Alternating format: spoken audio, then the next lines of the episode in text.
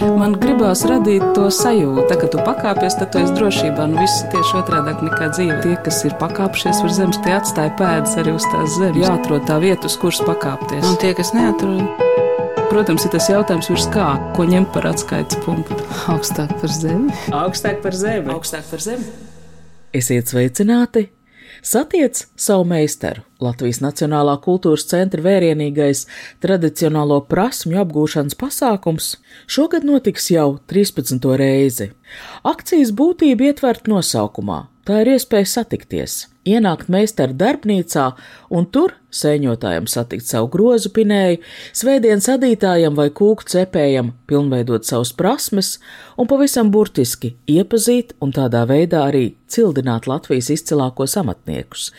Jau otro gadu akciju no pavasara pārcelt uz rudeni, cerot, ka tad viesoties varēsim cits pie cita ne tikai virtuāli, taču runājot par tiešsaistes iespējām, aprīlī līdz šim ierastajā pasākuma norises laikā notiks semināri, kas laikam noderīgāk būs tieši darītājiem, pētniekiem, meistariem, apmainoties ar zināšanām. Mans vārds ir Anna Bušvica, un par šī gada akcijas satiec savu meistaru. Noris raidījumā vēl pastāstīs Nacionālā kultūras centra tautas lietušķās mākslas eksperte Linda Rubena, taču man jāatzīstās, ka es nebiju pat nojautusi, cik ļoti ierastos priekšstats par tautas amatu meistariem izmainījis globālais tīmeklis. Tagad latviskie cimdu raksti ir atrodami starptautiskajā adītāja platformā Ravelry, tīmeklī un arī klātienē notiek adītāju kursu un meistarklases, un ir ļoti interesanti arī vērot, kā citautiešu darinājumos Latviju raksti izmainās krāsiedā, veido negaidītus kultūras sajaukumus. Bija ļoti interesanti arī uzklausīt dzīves stāstu par dzīvi, kuru izmainīja rokdarbu padarīšana par pilna laika nodarbi un apgūto amatu prasmi par savu sūtību un arī dzīvesveidu. Man sarunbiedra šodienas raidījumā Solvita Zarupska. Biju viņu ievērojis jau Latvijā, kopīgi ir mūsu apsēstība ar rozēm. Solvit tās pamanās iedīt visur - cimdos, suitu jaciņā, ko nesā rīkdienā, bet viszaigojošākās tās ir viņa sadītajos maučos. Šo silto rokas sprāģu adīšanas prasmē šķiet Latvijā viņa ir viena no prasmīgākajām. Solvit Zarupska ir Ventspilniece, taču šobrīd pārcēlusies uz dzīvi Itālijā.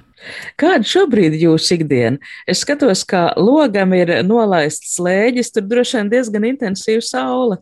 Tagad es esmu uznākusi augšā tādā trešā stāvā, kur ir vislabākais internets, lai mums nepārtrauktos sarunu. Saula šobrīd uh, ir pat ļoti, ļoti, jā. Šis klimats ir mans klimats.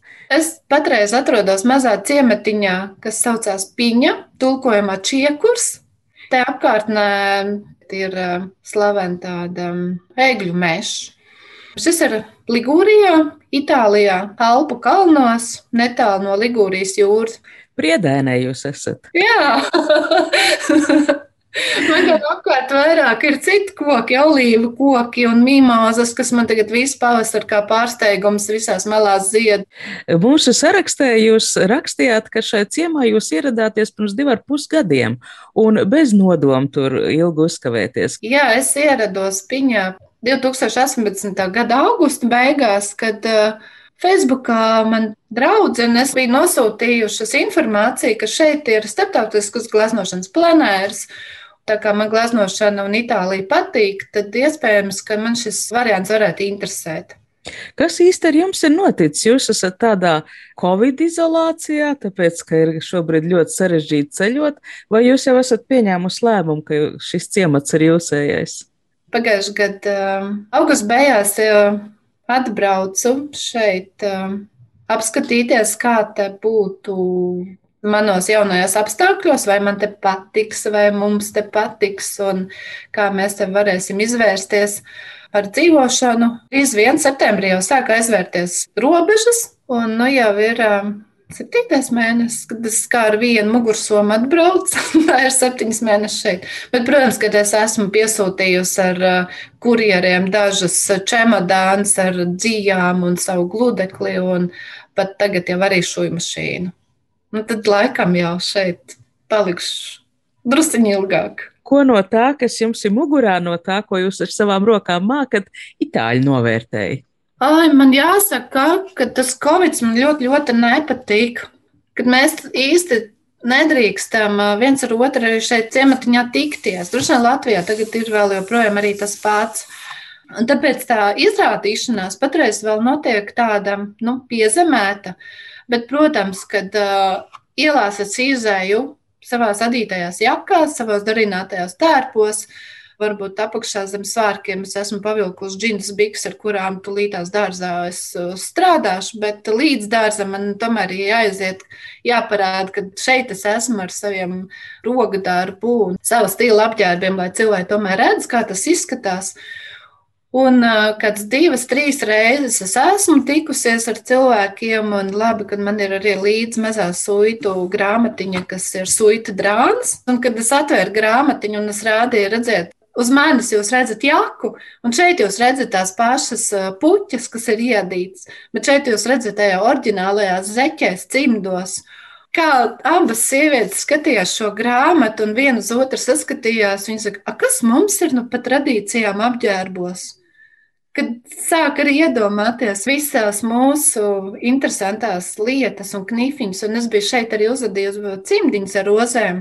Un kas man patika, kad šīs sievietes prata novērtēt, un kad sāk pētīt no vienas puses, otras puses noraukumu, uzmetumu, ah, un tur vēl ir tāda krāsiņa ielikt, ah, un paskaties, un vēl ir šeit, un paskaties, un spicītei jābūt šādai. Viņas prata to visu saskatīt un novērtēt. Un, uh, Un tāpēc man ir tāds liels, liels vēlēšanās, lai Covid beidzās un kad es varētu šeit uzrīkot izstādi un iepazīstināt cilvēkus vairāk un dziļāk un pilnai laimē viņus arī šeit apmācīt, parādīt vairāk un iedot arī viņiem rokās to visu padarīt. Facebookā Solvitai bez viņas pašas konta ir arī viņas amatnieces zīmola konts - Solvits Rozes.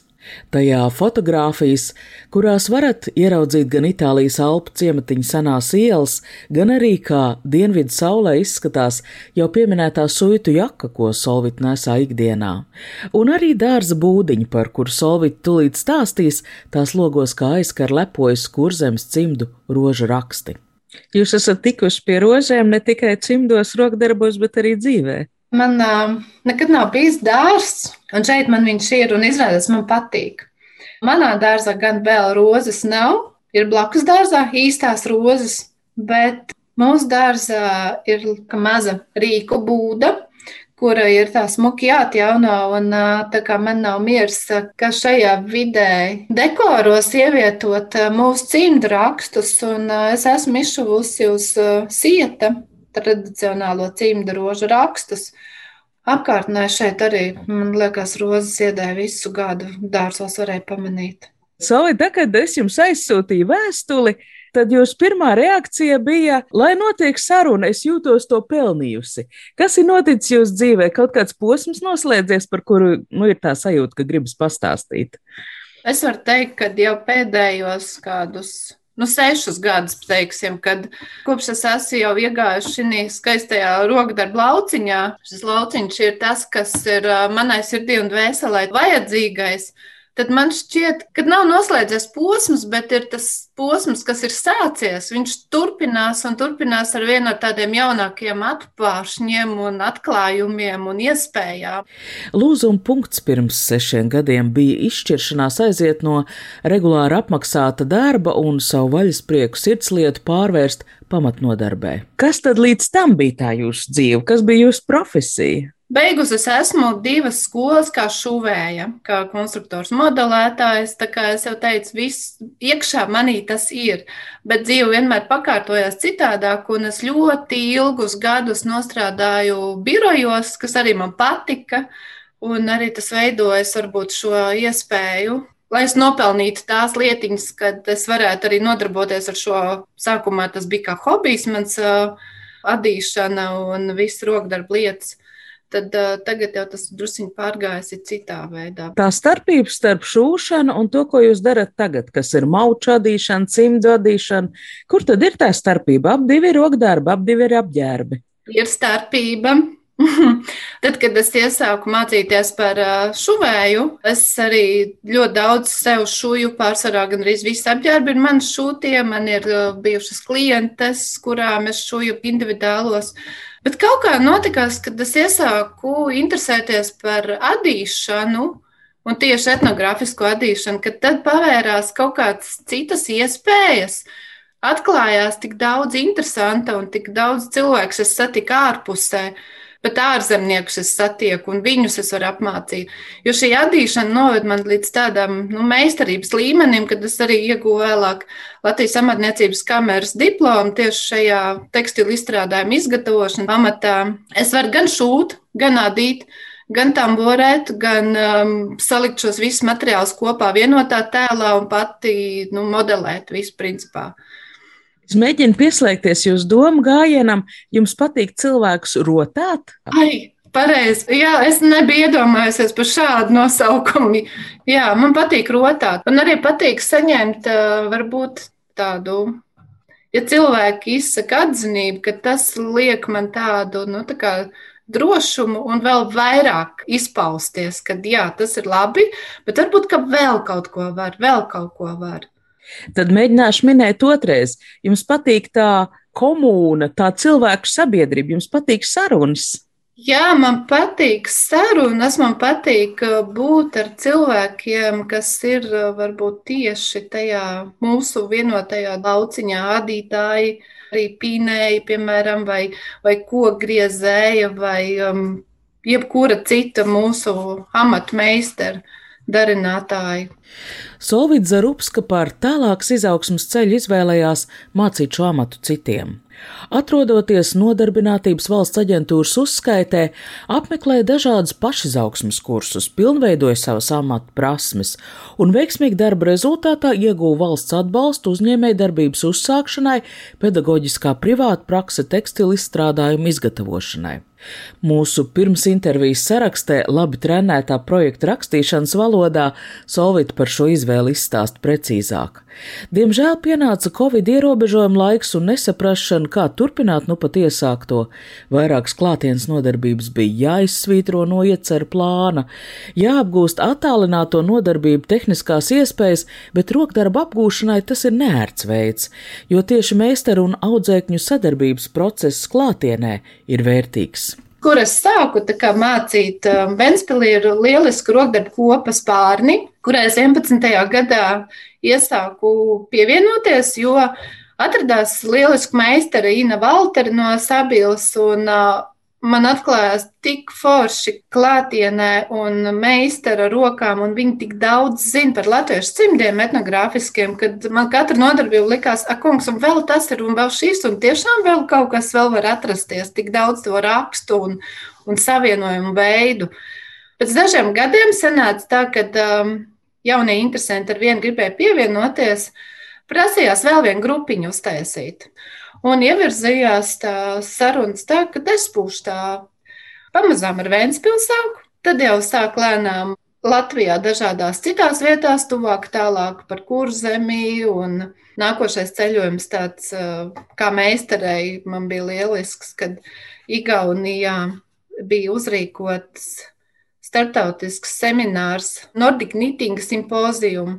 Amata prasmes ir mani aizvedušas uz izstādēm, semināriem, daudz nacionāliem festivāliem, kā Luksemburgā, Uzbekistānā, Ķīnā.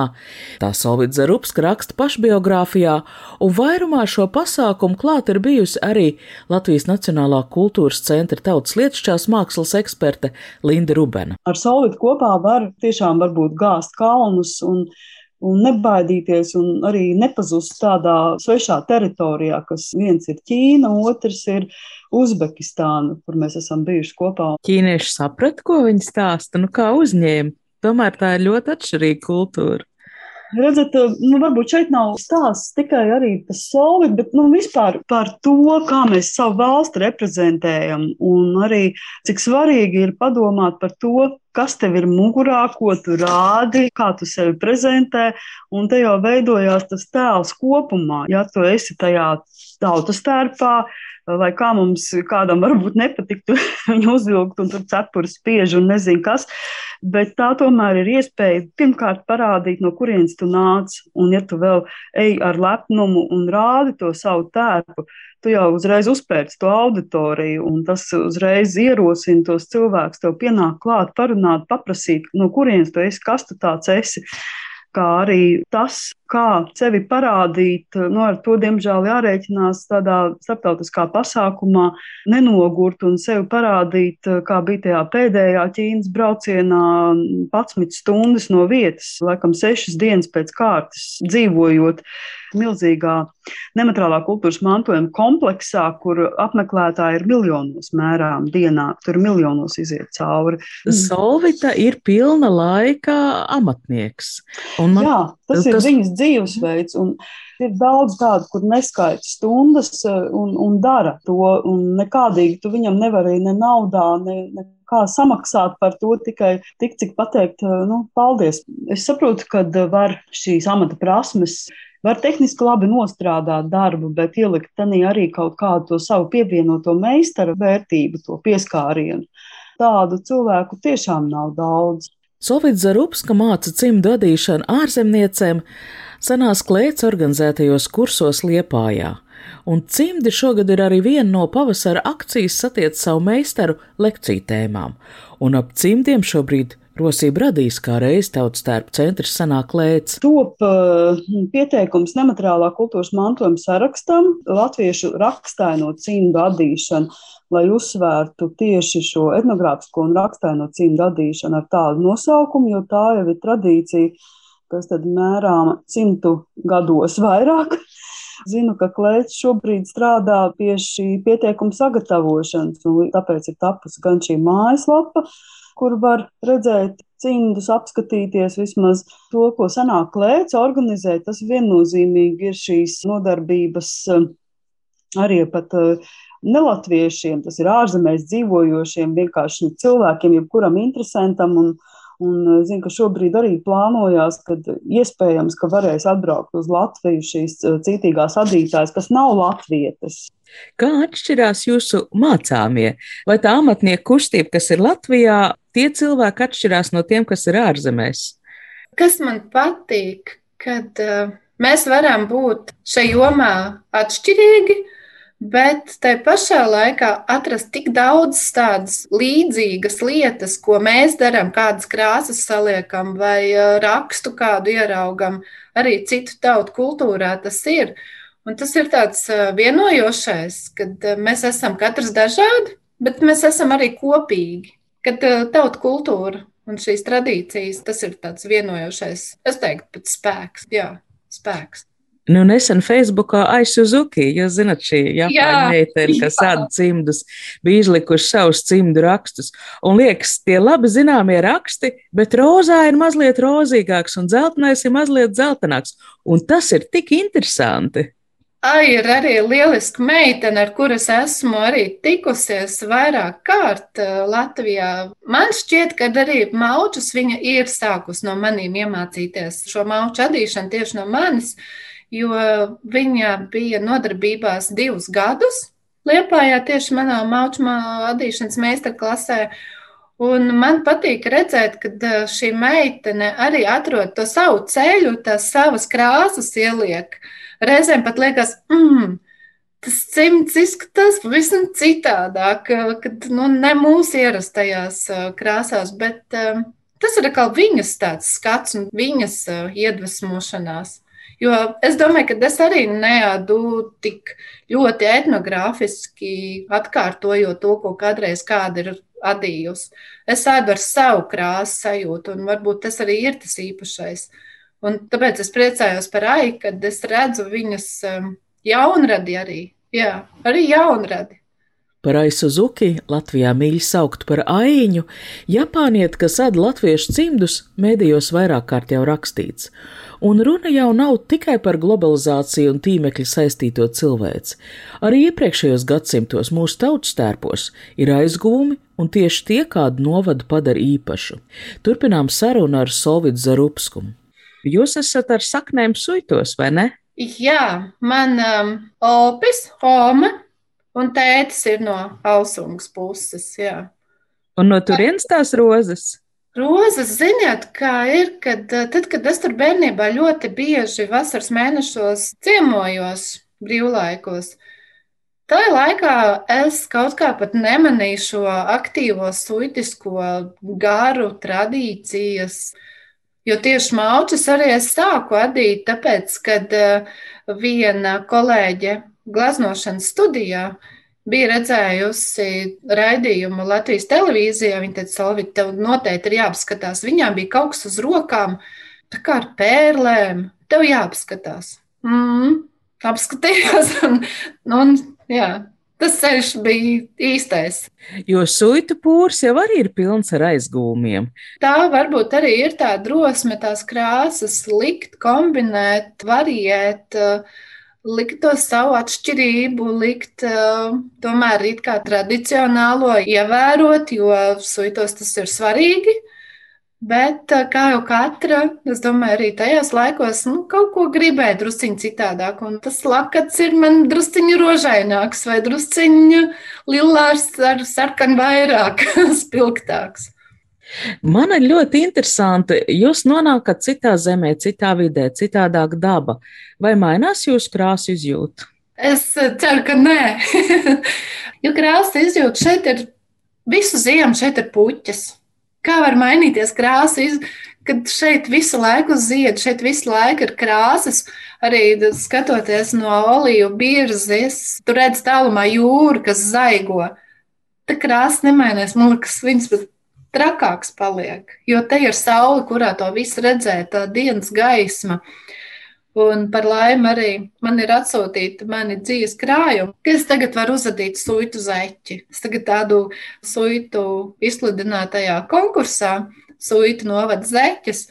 Man šķiet, ka viņas nav neizbalējušas. Šī krāsa sajūta ne arī pastiprinājusies, bet viņi ir pamatīgi. Kā šogad notiks akcijas attiec savu meistaru? Nu, šogad ir tāpat kā pagājušajā gadā, varētu teikt, kad akcija pārceļās pati akcija uz septembri. Tad, kad eh, ļoti ceru, varēs satikt šos meistarus dzīvē. Tas ir 3, 4, 5 septembris. Bet, eh, lai tā kā neaizmirstu nedaudz par šo akciju, jo jau daudzus gadus tā notika aprīlī, 9. un 10. aprīlī tie būs tādi Zoom semināri Viena diena būs veltīta tādai pavisam savādai tēmai, kas liekas mums ikdienā, varbūt, kas tas var būt, kad uh, nav kabatu, bet es domāju, ka kāds noteikti būs uz sevi pārbaudījis to, ka kabatu trūkumu arī mūsdienās, arī mājās sēžot, varbūt dzīvojot un, un kaut vai ārā izējot, kad, ja nav kabata, kurā ielikt telefonu, tad viņš jānes rokā.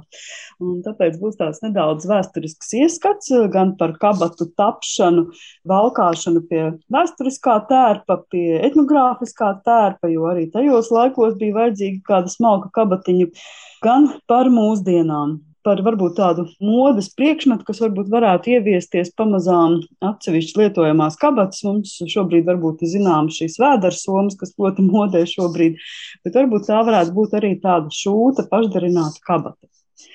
Tad vēl ir krāsas apģērbā, tas gan vairāk arī saistīts ar, ar reliģisko materiālu. Un vēl patiesībā ir trešā tēma - cimdi un cimdu lietošana. Precīzāk informāciju par Zoom semināru norises laiku un tēmām jau no nākamās nedēļas varēs meklēt Latvijas Nacionālā kultūras centra mājaslapā. Tēma par vissenāko tērpu krāsām saistīta ar mākslas zinātnieces, seno apģērbu pētnieces Ievas Pīgoznas nu pat iznākušo grāmatu Krāsas un to nozīmi baltu 3. 13. gadsimta apģērbā. Savukārt par apliekamajām kabatām stāstīs etnoloģija un tērpa pētniece Aneta Karlsone un arī Solvits Zarupska. Nesen vēl Latvijā esot uh, šuvu klientēm apģērbus un Man pa pārsteigumu bija, ka viņām prasība bija, bet man vajag kabatiņas, bet iestrādā kaut kur kabatiņu. Līna kleitas, nu, tajās ir ļoti viegli gan sānos, gan uzšujamās, visas tāda veida, kādas tik var izdomāt. Un tad man, protams, kad nav svešs internets un Pinterests, un um, es ieraudzīju vienā fotografijā kabatas, kuras ir uzliekamas. Kādreiz tās 17. un 18. laikam līdz pat 19. gadsimtam sievietes, kas nesāja šīs lielās kleitas, tā laika stila, bija izdomāts tad, kad ir apsienams kabatas, kurās tu vari iekļūt pa sānu vīlēm. Un vienai klientei bohos stila kleitai es uzšūju šīs kabatas, un viņas izrādījās tik ļoti ērtas, gan uzliekamas, gan atkal noņemamas. Kā viss vienmēr turpinās, vienā braucienā uz Latvijas semināru par Ziemeļa Latvijas darbu darināšanas meistarklasēm. Lindai Rubenai bija līdzi grāmata, kas tieši ir par šīm kabatām. 18. gadsimta kabatām viņas ir dažādi izšuvuma un ar iniciāļiem gan ar ziedu motīviem. Un arī šeit, uh, Itālijā, strādājot uh, olīvu dārzos, man saimnieks atnesa no istabas kabatiņu, kas ir tā kā liela kabata uzsienama, un tas viņu valodā, itāļu valodā saucās sakun, pat ne itāļu, bet šī ciemata, jo šeit ir dialekts. Un izrādās tā arī tā kā liela kabata. Un arī knaģiem šādas lieto, kad sieviete iet izkarināt veļu, viņai ir maza forša kabatiņa apsienām, un kur knaģīšus ievietot. Un tad mēs to kabatu tēmu sākām paturpināt, un nu jau es esmu sadarījusi dažāda stila, dažādu audumu, pat uh, austas segu nolietot. Es esmu paglābusi un izšuvusi kabatas, kurai būs piešūta latgalē austā celaina. Arī cēlēnai šis pielietojums tradicionālais drusciņš būs kā citādāks. Laikmetā, kad apģērbu saražots tik daudz, ka planētai Zeme kļūst grūti elpot, līdzīgi kā pastāv slow food kustība, šķiet Solvits Zarupska līdzīga sabalansētība atradusi apģērbu darināšanas un arī valkāšanas mākā. Apģērbs, kas tev mugurā palīdz uzsākt sarunu, Citzemniekiem stāsta par tavu izcelsmi, apģērba darināšana savieno gadsimts un ceļ tilts starp atšķirīgām kultūrām. Solvits rozes ir ne tikai koša Solvits Zarupskas zīmola vizītkarte, man šķiet arī šis stāsts mums kopīgi nodījies krāšņus. To izstāstīt palīdzēja Anna Bušvica, par skaņu gādāja Valdes Raitums. No jūsu stāstītājs sapratu, ka rokdarbi nav arī itālietēm sveši.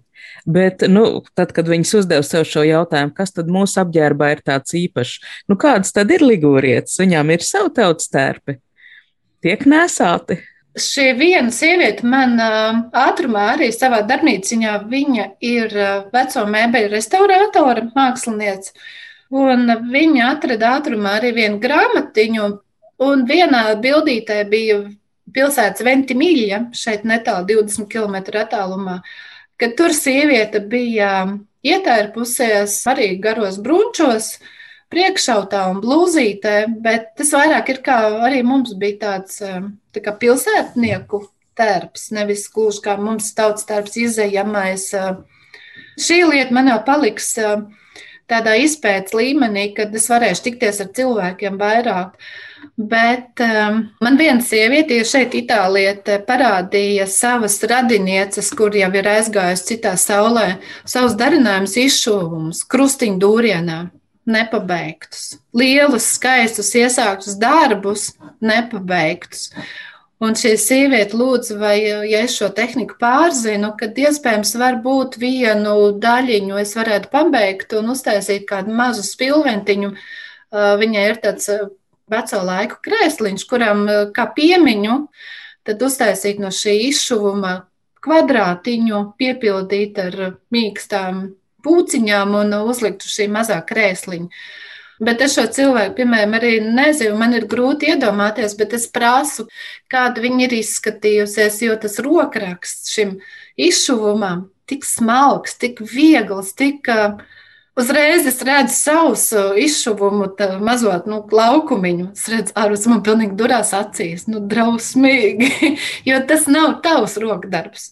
Tāpēc arī man ir interesanti jā, dzirdēt gan viņas dzīvesveidu, gan ko viņa ir darījusi, kāda viņa ir izskatījusies un um, vārdu.